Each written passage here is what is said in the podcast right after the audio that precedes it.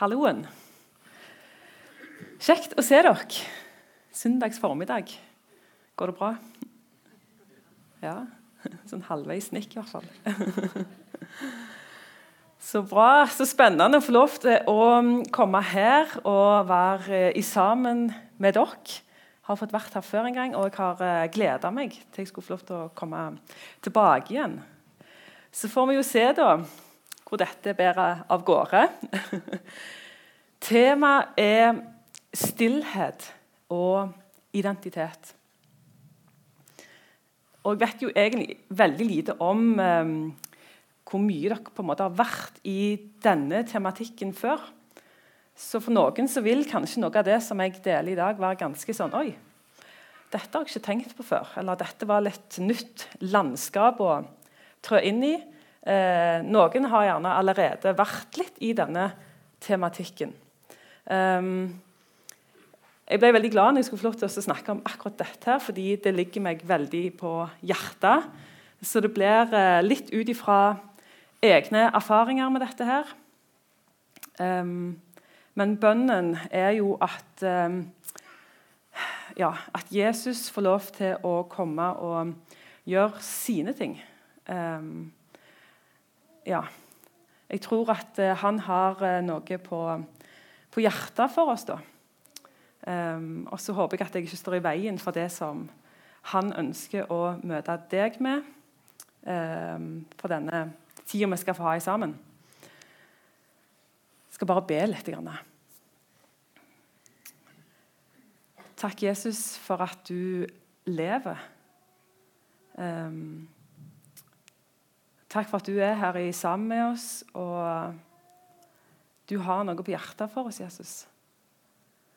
Hjelp oss til å være åpne for, for deg og det du har lyst til å fortelle oss. Eh, kom og ja, berør livet vårt, hjertene våre, Jesus. Eh, vi trenger deg i våre liv, og vi takker deg fordi at eh, vi får lov til å høre deg til. Amen. Um, det er jo et litt sånn større, stort tema vi skal inn i nå. Dette med stillhet og identitet. Ikke sikkert du tenker at det er så veldig stort, men det er det. uh, så det er mye jeg kunne sagt, men nå har jeg prøvd liksom å plukke noe. Um, så selvfølgelig klarer jeg ikke å få sagt alt i løpet av 40 minutter. har jeg fått på meg. Men vi skal prøve å si noe, i hvert fall.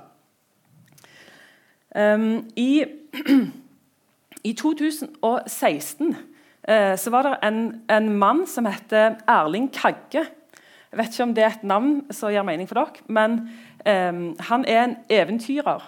Eh, forfatter, og han, han, driver et forlag, Kagge forlag. Eh, han har altså da bl.a. Eh, eh, besteget Mount Everest. Han har vært på Sydpolen, han har vært på Nordpolen. og Hvis du begynner å bare se for deg Eh, de turene som han har hatt av gårde da, til disse polene og rundt forbi, eh, så, så, kan en gjerne se for seg at han har trødd mye i stillhet. Så I 2016 så skrev han ei, ei bok eh, med tittelen eh, Skal jeg si det riktig um, 'Stillhet i støyens tid'. Gleden over å stenge verden ute. En veldig interessant tittel. Jeg måtte lese boka. Jeg er jo litt interessert i dette temaet. Um, boka ble solgt til ti land på ei uke. Og Så sier han bl.a. i denne boka at vi frykter stillheten, fordi da må vi bli bedre kjent med oss sjøl. Um, ehm, stillheten er blitt en mangelvare eller en luksusvare i vår tid. Dette snakker han om i, i denne boka her. Um, og så sier han at uh, ja, det ser ut som det er en liksom trend, dette med å, å, snakke om stillhet. Eller folk søker etter det. Men mer enn en trend så sier han det er en, det er en djup lengsel, et inderlig behov for stillhet i støyens tid. Så når vi da skal snakke om stillhet i dag eh, i en kristen sammenheng? Eh, er det fordi at eh, ja, nå skal Ragnhild prøve å være veldig aktuell for vår tid, eh, siden dette er en trend? Um, er det derfor vi snakker om stillhet i, når det kommer til livet med Gud? Um, eller er det liksom å drive med å hente inn et eller annet uh, fra noe sånn, en alternativ uh, spiritualitet?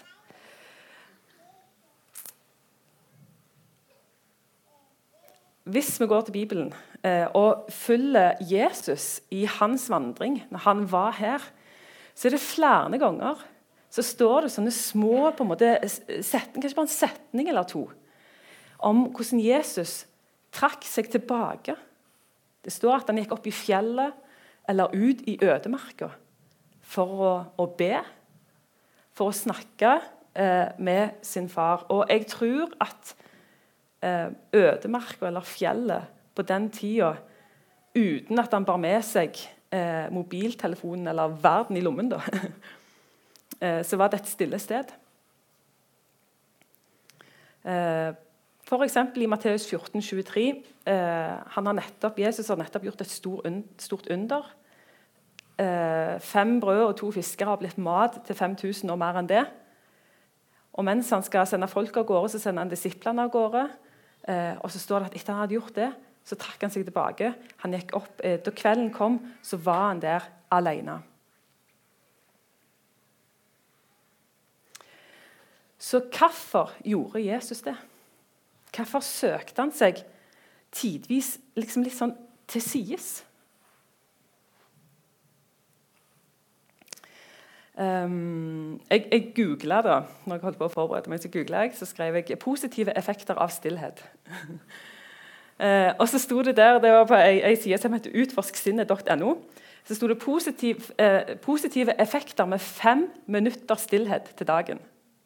Bare fem minutter. Eh, og der sto Det eh, det var en lang liste, veldig interessant, men det øker hjernens evne til å huske, til å føle empati, til å bli altså, begeistra, til å ta valg, til å, å være fokusert osv. Det var flere ting der. Veldig spennende. Kan gå inn der og lese hvis du vil. Eh, og så tenkte jeg sånn, ja, Var det derfor Jesus eh, trakk seg litt tilbake? For disse voldsomt positive effektene? Jeg tenker, ja, jeg tror jo der, selvfølgelig, jeg tror på det. Jeg tror at det er veldig gode effekter for oss sånn rent fysiologisk eh, med å noen ganger rett og slett skru litt av, trekke seg litt unna, la det være rett og slett stille. Men så tror jeg òg på noe mer enn det. Og jeg tror det var gjerne dette som var hovedgrunnen for at Jesus trakk seg litt unna av og til. Um, han søkte ikke stillheten for stillheten i seg sjøl, men han søkte seg ut litt avsides til et stille sted for å møte Gud. Så vi kan si det sånn at stillheten er et veldig godt verktøy for å skape Eh, et sted hvor jeg kan møte Gud. Det handler om min relasjon til Gud. Og da blir i hvert fall for min del stillhet et lite knepp mer aktuelt.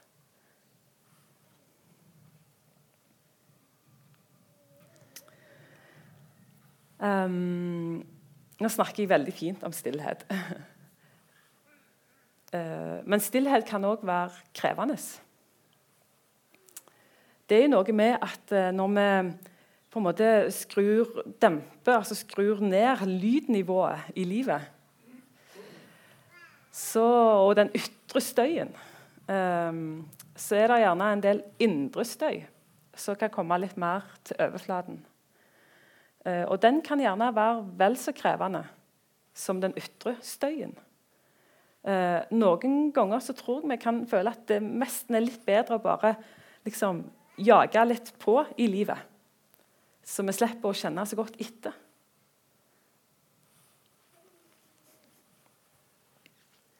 Um, men det jeg tror kan skje da, i stillheten i møte med Gud, det er at stillheten kan bli en livgivende stillhet. livgivende stillhet.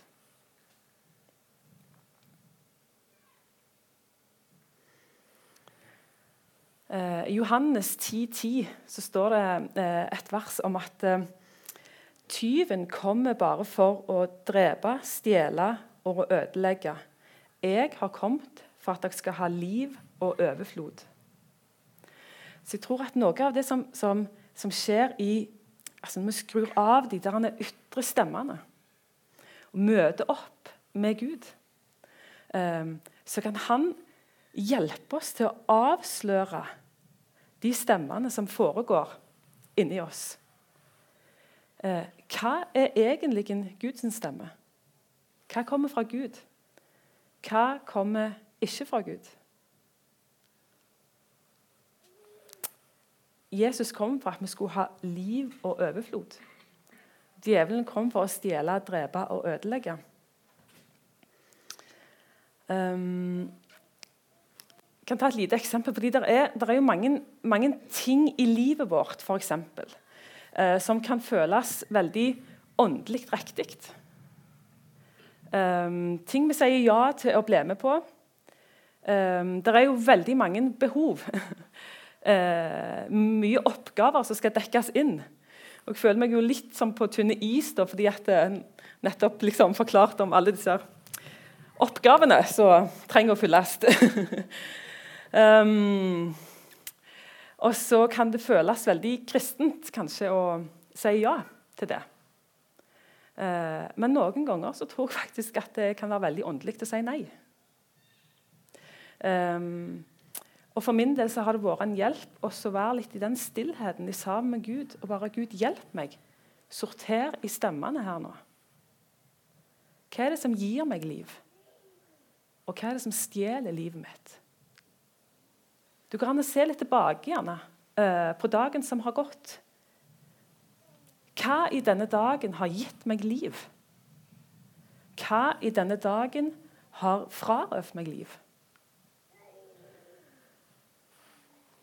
Å leve med Jesus det handler om å få lov til å erfare at han er i livet vårt. Og Det er ikke alltid så lett å oppleve det og erfare det akkurat i nuet. Så noen ganger så må vi se litt tilbake. Men i våre travle liv, da, eh, med alt som skal gjøres, og alt som skal skje framover, så tror jeg av og til vi går litt glipp av å se hva Gud faktisk holder på med i livet vårt. Så kanskje fem minutter med stillhet. Et lite tilbakeblikk på dagen som har gått, uka som har gått. Hva har gitt meg liv? Hva har tatt liv? Når har Jesus vært på ferdig i livet mitt? Hva stemmer skal jeg høre på? Hva stemmer skal jeg få legge fra meg?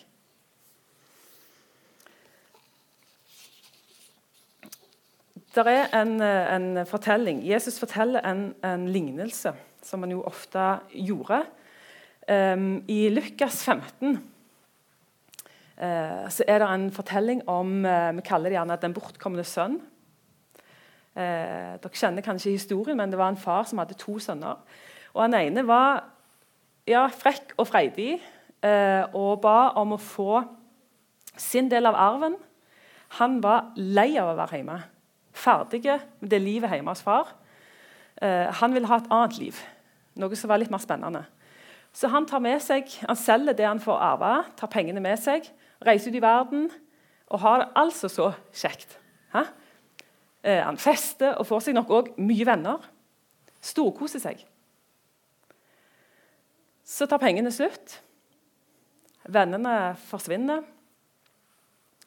Og han, den eneste muligheten han ser for sitt eget liv, det er å bli grisepasser. Uh, så ser jeg han for meg da, der han går og, og trør i sorpa. Spiser den samme maten som grisene. Um, og så står det Da kom han til seg selv.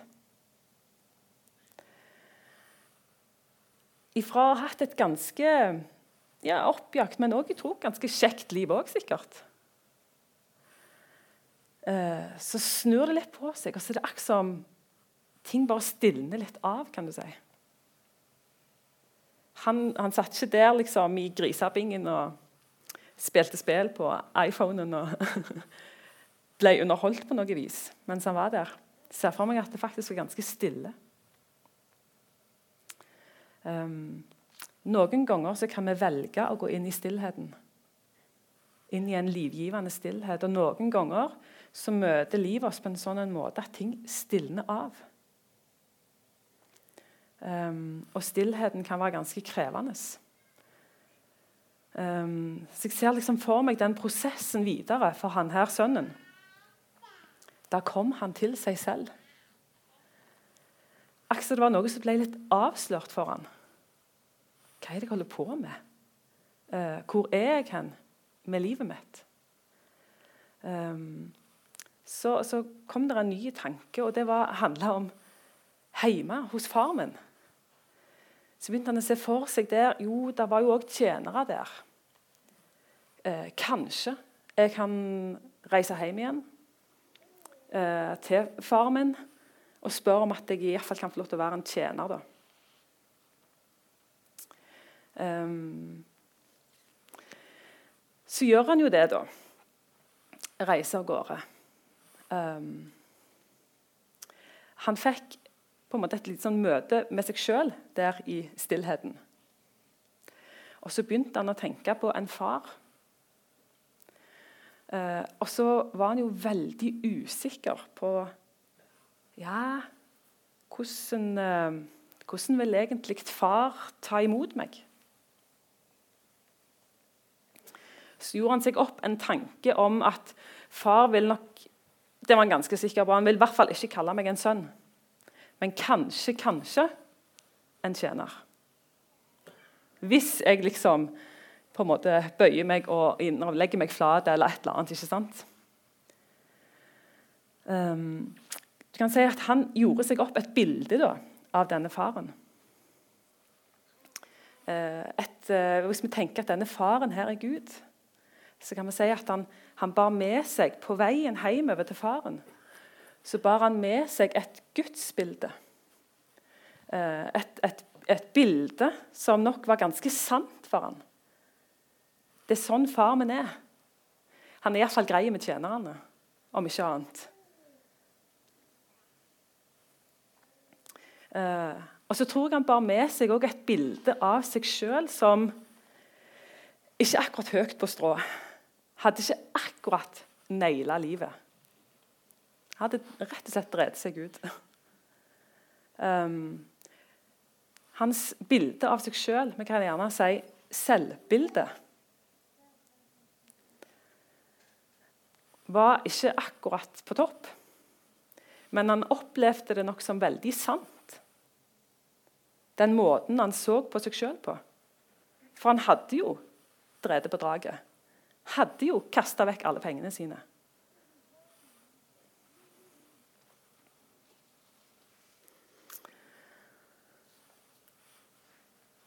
Så nærmer han seg hjemme. Um, og jeg tror han blir rett og slett overvelda. Når han ser mot heimen og ser at det kom en mann springende imot meg. Med åpne armer hiver seg rundt halsen på sønnen. Han kaller han ikke en tjener, men han kaller han en sønn. Ikke sant? Og sønnen prøver seg. Hvis jeg bare kunne fått vært tjener Nei. Denne sønnen min, som hadde reist vekk, har nå kommet hjem. i møte, i det faktiske møtet med faren. Når denne sønnen vågte å bevege seg hjemover, møte opp med faren, så det er akkurat som de bildene han bar med seg av hvem Gud er, og hvem han sjøl var. Hans gudsbilde og hans selvbilde. Det knuses.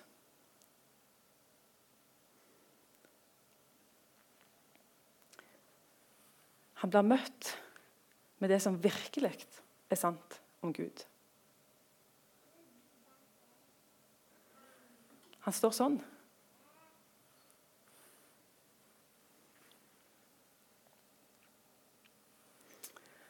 Um, I stillheten Og når vi velger sjøl å gå inn i stillheten, så kan det bli en, et, et, møte med Gud. Og Det som da òg kan skje, det er at bildene som vi bærer med oss Mitt bilde av hvem jeg sjøl er, og mitt bilde av hvem Gud er, kan få lov til å komme til overflaten. Og så kan vi faktisk sammen med Gud få lov til å stille spørsmålet Er det sant? Det bildet jeg bærer med meg av hvem Gud er, og av hvem jeg sjøl er. Er det sant? Um, i, i, 2010 jeg, jeg, pleier ofte å si at um, det er et før og etter i mitt liv. Um, og det handler om 2010. Noen av dere har gjerne hørt meg snakke om dette her før, så jeg skal gjøre en lang historie veldig kort. um, men jeg hadde um, Jeg drev mye med idrett. Og um, ja, jeg var uh, veldig engasjert i både menighetsliv, i studier, i idretten.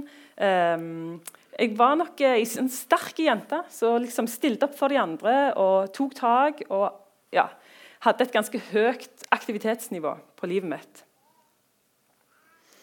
Um, og Så fikk jeg en idrettsskade som måtte opereres, en helt vanlig operasjon i kne. Og så gikk um, spinalbedøvelsen som jeg fikk i ryggen, gikk fryktelig galt. Så jeg um, uh, våkna opp og var blitt um, lamma fra livet og ned. Uh, og så fikk jeg beskjed om at det var 99% sjanse for rullestol resten av livet. Um, ja, du kan si det stilna litt av i livet. Livet ble snudd på hodet totalt. Uh, men så ser dere at jeg står jo her i dag. Uh, og jeg ble bedt for og ble helbreda. Og det var en sånn prosess over tid. Og fysisk sett så er jeg i ganske god form. Eh, og så er det alltid ting som henger litt igjen, som en fortsatt må jobbe med i livet. da. Men det som er poenget her, um, det er jo at når en da blir helbreda, så får han jo erfare og oppleve Gud veldig sterkt til stede i livet. Um, så jeg husker den første tida. Jeg bodde fire måneder på sykehuset på en opptreningsavdeling. Uh, og jeg husker den tida som en sånn fantastisk tid òg sammen med Gud.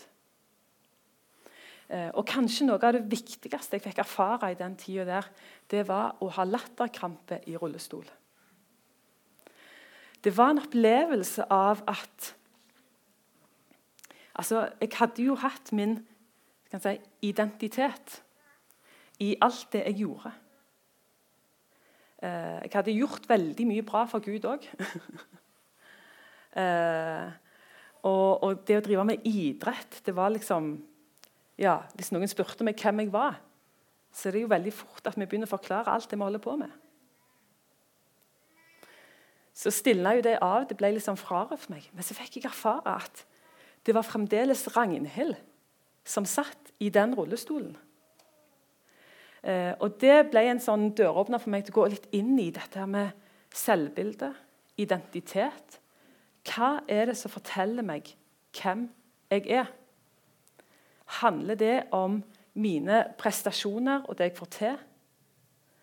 Eller er det noe som kanskje muligens ligger litt dypere ned?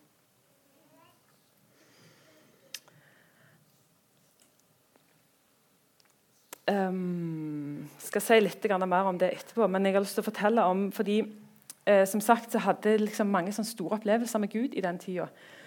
Um, men så Ca. Et, et, halvt år etterpå så begynte jeg å kjenne på ganske mye frykt og, og uro.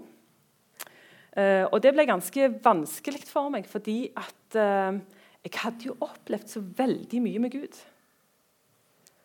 Um, og så kjente jeg egentlig at liksom, Redde Gud, faktisk.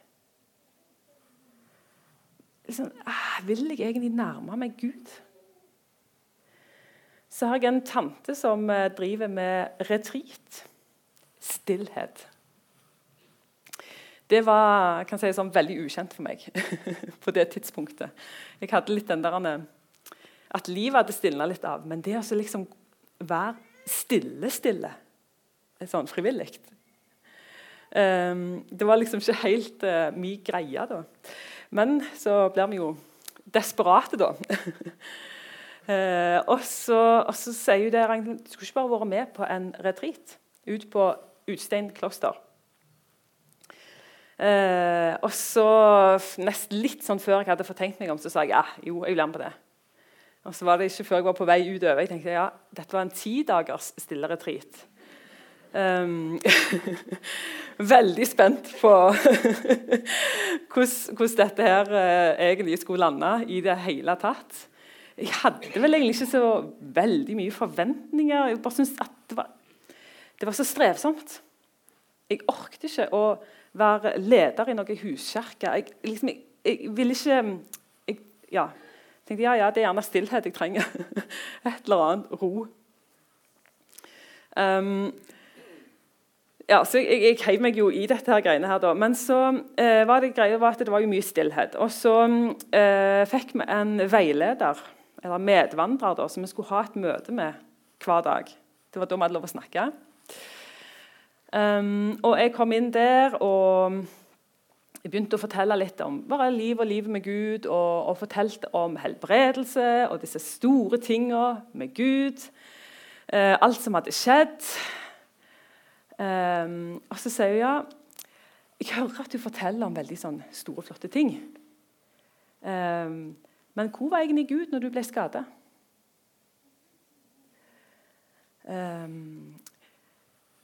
Så tenkte jeg sånn, eh, Det var jo ikke så smart av hun liksom, å gå inn der, fordi jeg fortalte om sånne store, flotte ting. Hun burde jo egentlig bare heie fram det. sant? Gud i livet. Og så stilte hun et spørsmålstegn. Liksom, ja, men hvor var egentlig Gud?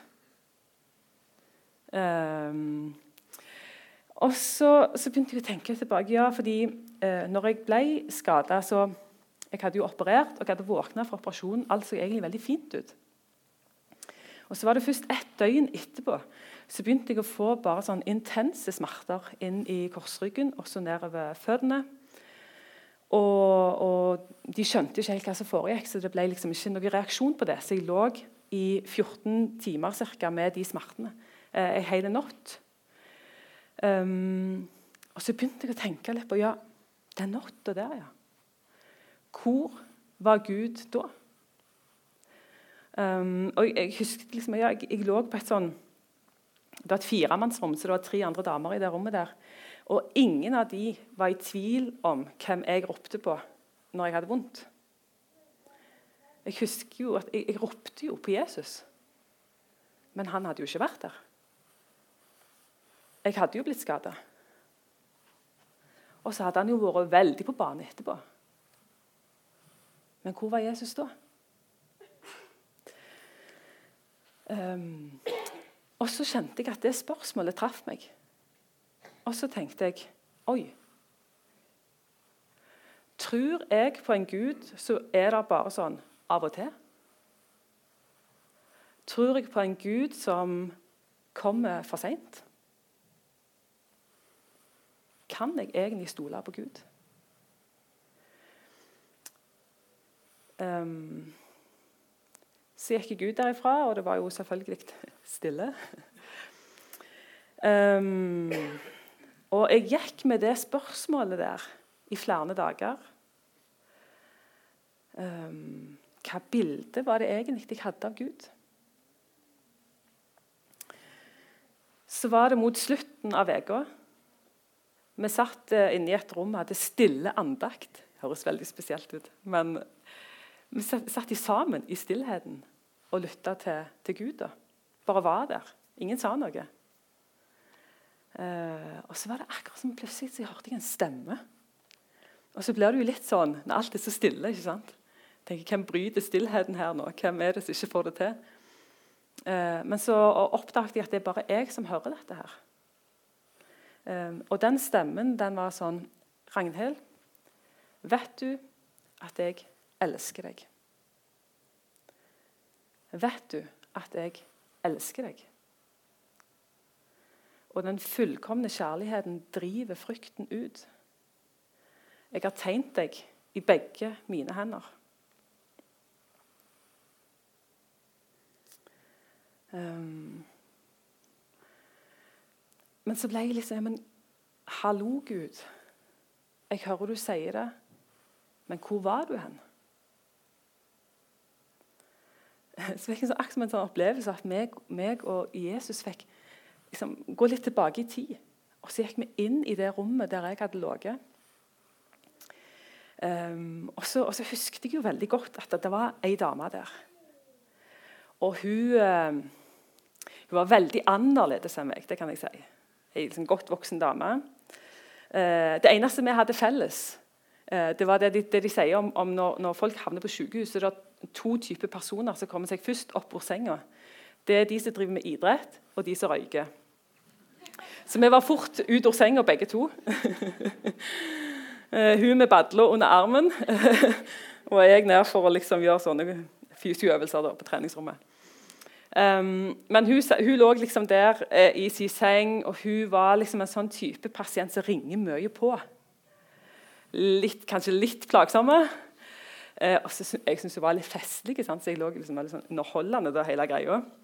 Um, liksom Flaksa litt rundt der med sånn leopardslåbrok eh, og noen nilletøfler og denne sykehuspyjamasen. Og, og, hun hadde fjernkontrollen selvfølgelig til TV, og hun fulgte med. Passet på at alle fikk liksom se litt av det de hadde lyst til å se på TV. Um, og, så, og, så, tenkte jeg bare etter, for dette, Det var snakk om at hun skulle reise hjem neste dag. Så det hun ikke ville reise hjem. Uh, og så tenkte jeg å ja, å, hun har det sikkert ikke så lett. hun. Og Så er det liksom prektige teologistudenten da, som liksom begynner ja, nå skal jeg be litt for hun.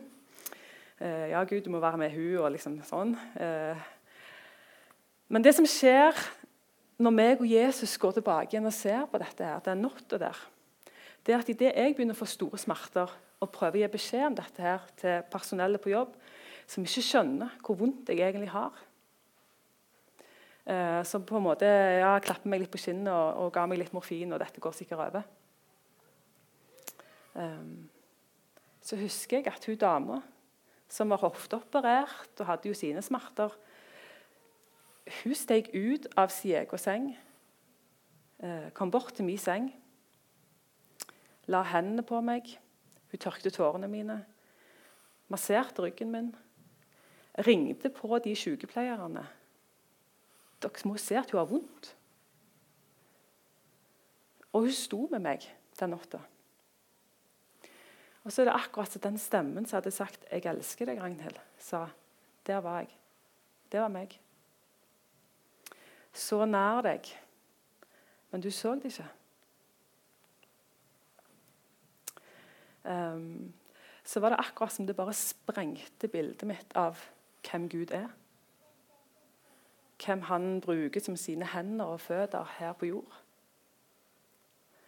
Um, hvor mange ganger han prøver å møte opp i våre liv. Men jeg har liksom mitt bilde av Gud. Det er sånn. Og så tenker jeg, Der hadde jeg, der hadde jeg ligget og ledd av sant? Hun var min underholdning. Um, så det er akkurat som jeg bare innså at det visste Jesus. Allikevel stiger han ut av sin egen seng, står i sin egen smerte, helt nært. Hendene på.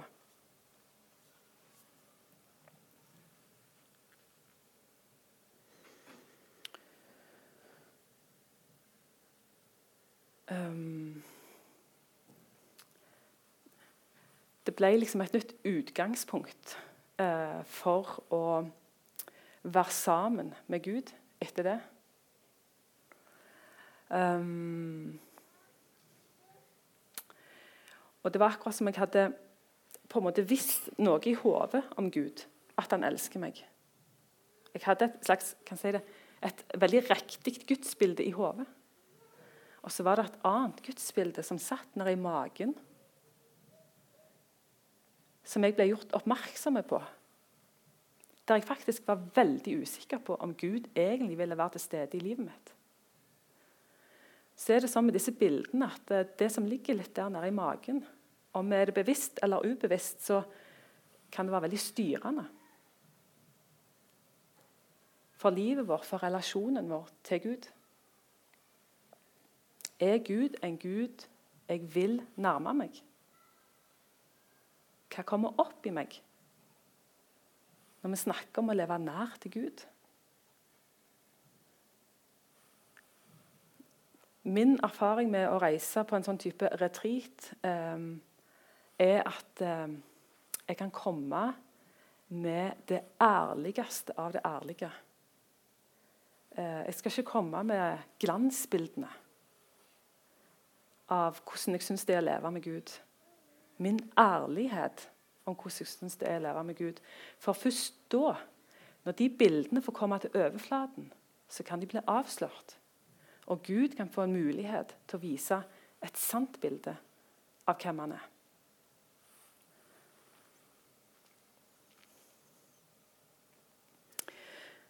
Så hva har da òg dette her med identitet å gjøre?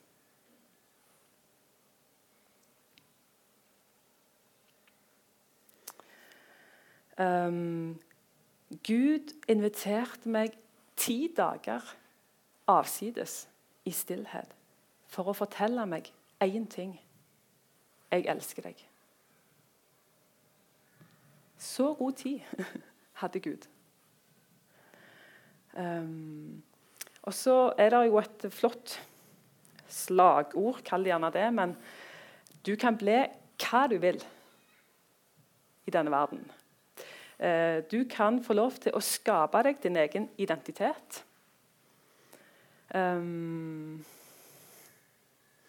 så tenker jeg Så utrolig slitsomt.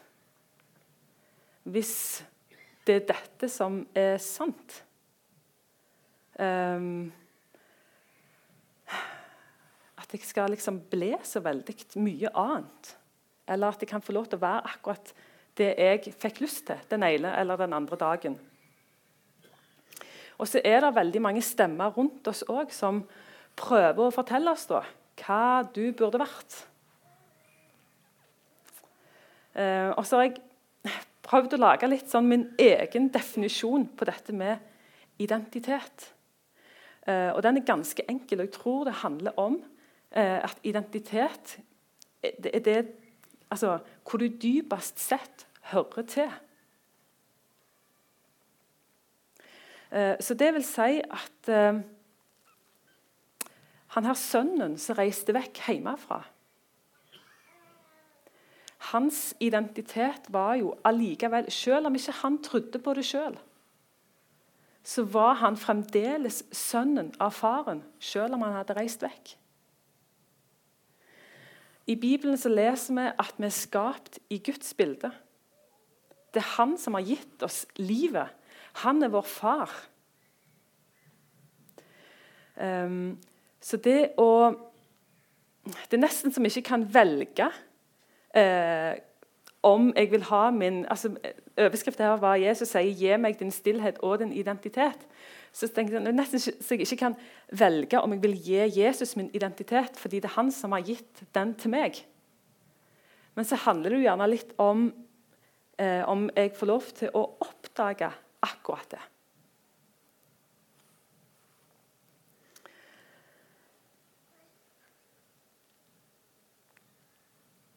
Um, denne sønnen som reiste vekk hjemmefra, sant? han hadde et bilde av Gud, og han hadde også et bilde av seg sjøl. Uh, eh, og når jeg fikk høre stemmen når jeg var på retreat, som sa Ragnhild, vet du at jeg elsker deg? Så berører det noe dypt, dypt i meg. En dyp lengsel etter å føle meg akseptert og til å føle at jeg hører til hos Gud.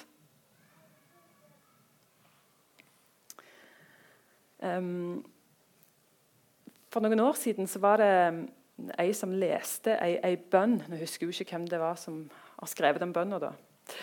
skulle jeg ha husket. Men eh, når hun leste den, den bønna, så ble jeg ble så overraska.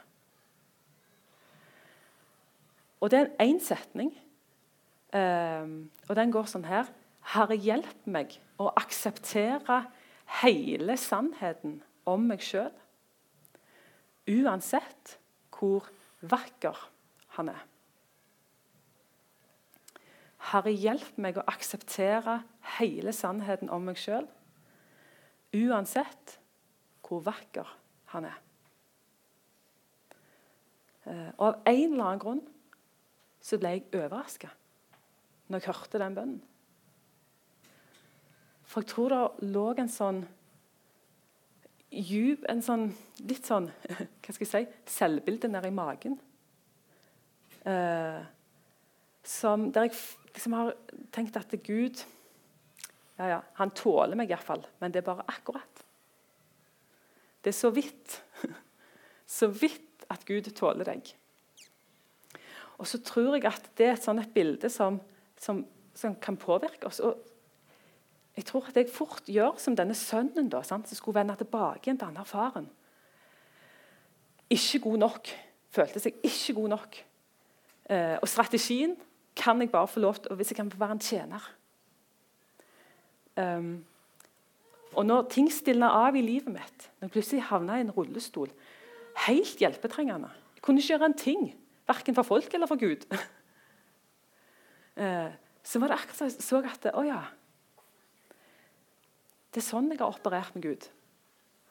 Som bilde av at han bare akkurat tåler meg. Men hvis jeg er veldig flink for Gud, så kan jeg i hvert fall få være en tjener. Um, så det er ikke så Gud bare hiver det der greiene der det sies. uh, og så sier han, 'Kom. Du er mitt barn.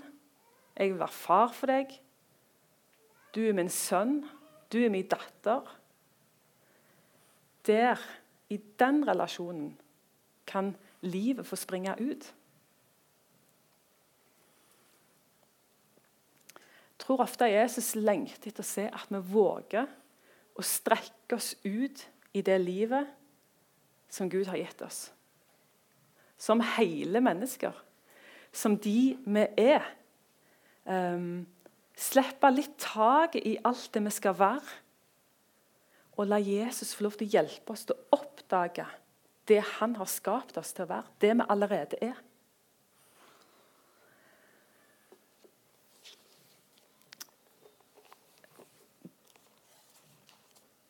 Eh, I Høysangen 2 eh, fra slutten av vers 13 så står det Stå opp, min elskede, min vakre jente, og kom, min due i fjellkløften, i ly under bratte klipper.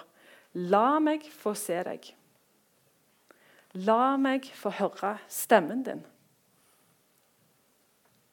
For stemmen er mjuk og skikkelsen skjønn.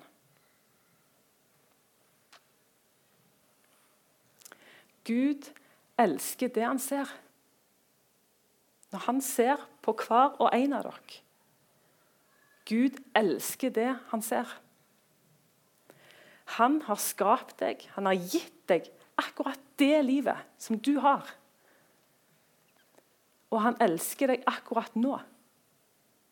For den du er akkurat nå. Ja, men eh, Jeg gjør ikke alltid det jeg skulle hatt gjort. Og gjør feil, synder. Så det er akkurat som Gud evner å se dypere enn det. Han vet hvor du kommer fra. Du er hans. Så får vi i møte med Jesus da, så er det en sånn vaskejobb. Og den tar Jesus seg av. Og så Når han driver og vasker, da, så er det akkurat det kommer til overflaten, sannheten om oss sjøl. Som jeg så fort tenker ja, men den er forferdelig, den vil ingen se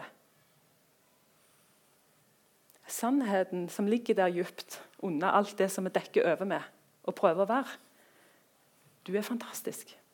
Du er nydelig. Og han lengter etter å høre stemmen din, få se deg. Kom fram fra hjemmeplassen. Strekk deg ut i livet. Må jeg se på klokka her. um,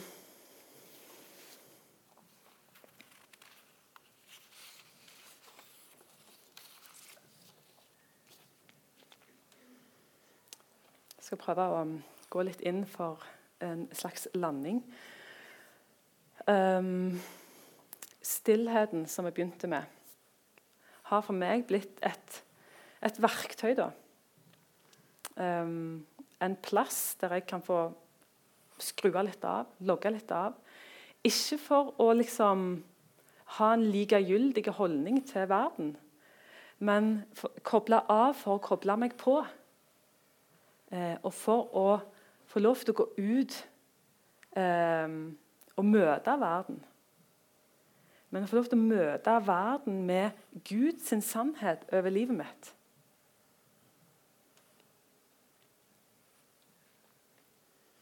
Å vite hvor jeg kommer fra, og hvor jeg hører til, det handler om å ha sin identitet i Gud.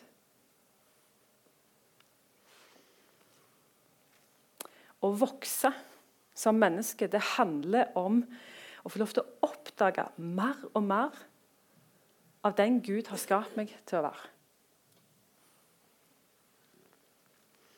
Det handler om å få dype røtter i den kjærligheten som Gud har for meg, og i et sant bilde av hvem Gud er.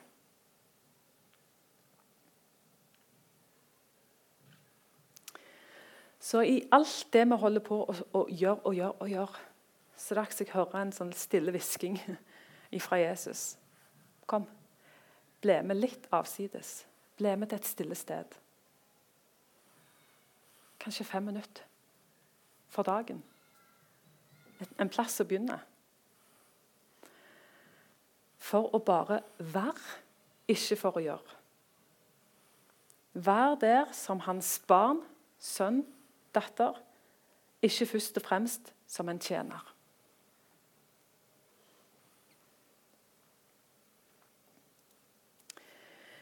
Når du ber, så skal du gå inn i rommet ditt og lukke døra og be til din far som er i det skjulte. Og din far som ser i det skjulte, skal lønne deg. Det er en invitasjon til å liksom få lov til å gå inn i det rommet, deg og Gud. Um, det er lov. Koble av litt. Skru av litt. Og gå inn i det rommet der. Um, bare et, sånn helt til slutt, før uh, Karen og gjengen de skal uh, synge en sang um, og, og tenke at Hvis det er ting som har kommet opp i løpet av ja, disse minuttene her, så snakk videre med Gud om det. Um, snakk med noen du uh, kjenner, stoler på. Er det noe Gud har lyst til å vise deg? Um, Um, fordi dette med, med, stillhet bare sånn Hvis noen vil ja, gå litt videre inn i denne tematikken, selvbilde, gudsbilde, dette her, um, så kan jeg varmt anbefale ei bok av Magnus Malm som heter 'De stumme bildene'. Uh, for de som det funker med engelsk, så er det ei side som heter 'practicingtheway.org'. som har en del praksiser som en kan gå og teste ut for livet. Um, der er det en praksis som heter 'solitude', som handler om tid sammen med Jesus. Den stille tid. Der er det et ve veldig godt opplegg hvis en har lyst til å ta det inn i ei smågruppe. eller sånne ting. Så den går an å sjekke ut. Um, og For noen år siden så, så, begynte vi som et lite fellesskap. Vi var tre stykk som var helt nær fortelling. uh, Men det vi gjorde, det var at annenhver uke kom vi sammen, og så var vi stille sammen. Eh, det høres kanskje litt eh, rart ut, men det var helt enkelt. Vi leste en bibeltekst, så satt vi på hver sin kant, og så var vi bare stille. En halvtime eller et eller annet sånt. Eh, og så hadde vi én regel. Vi skal ikke dele noen ting av det vi får. Ofte så er vi sammen med Jesus, og tankene går med en gang på ja, hva var det jeg skulle dele til de andre her. Gud er jo veldig ofte også personlig med oss. Og han vil ikke først og fremst være sammen med oss for alt det du skal gjøre videre, men fordi han elsker deg. Det var bare noen sånne konkrete eh, tips. Og ja, kom gjerne og slå av en prat etterpå hvis eh, det er ting som du kjenner har berørt, eller du lurer på, eller noe som var uklart. Så ja, jeg vil bare be litt eh, til slutt. Jesus, din kjærlighet rekker til skyene. Um, og Noen ganger så, så får jeg sånn bilde av at vi så vidt har dypt tærne våre nede i det havet av kjærlighet som du har for oss. Du elsker oss til livet. Uh, du gikk i døden fordi du elsker oss, mens vi ennå var syndere. Jesus, vi ber om uh, at du kommer og klarner opp og gir oss sanne, sunne bilder av hvem du er for oss, um, og hvem vi får være. Skapt av deg, elsket av deg. Takk for den du er, Jesus. Amen.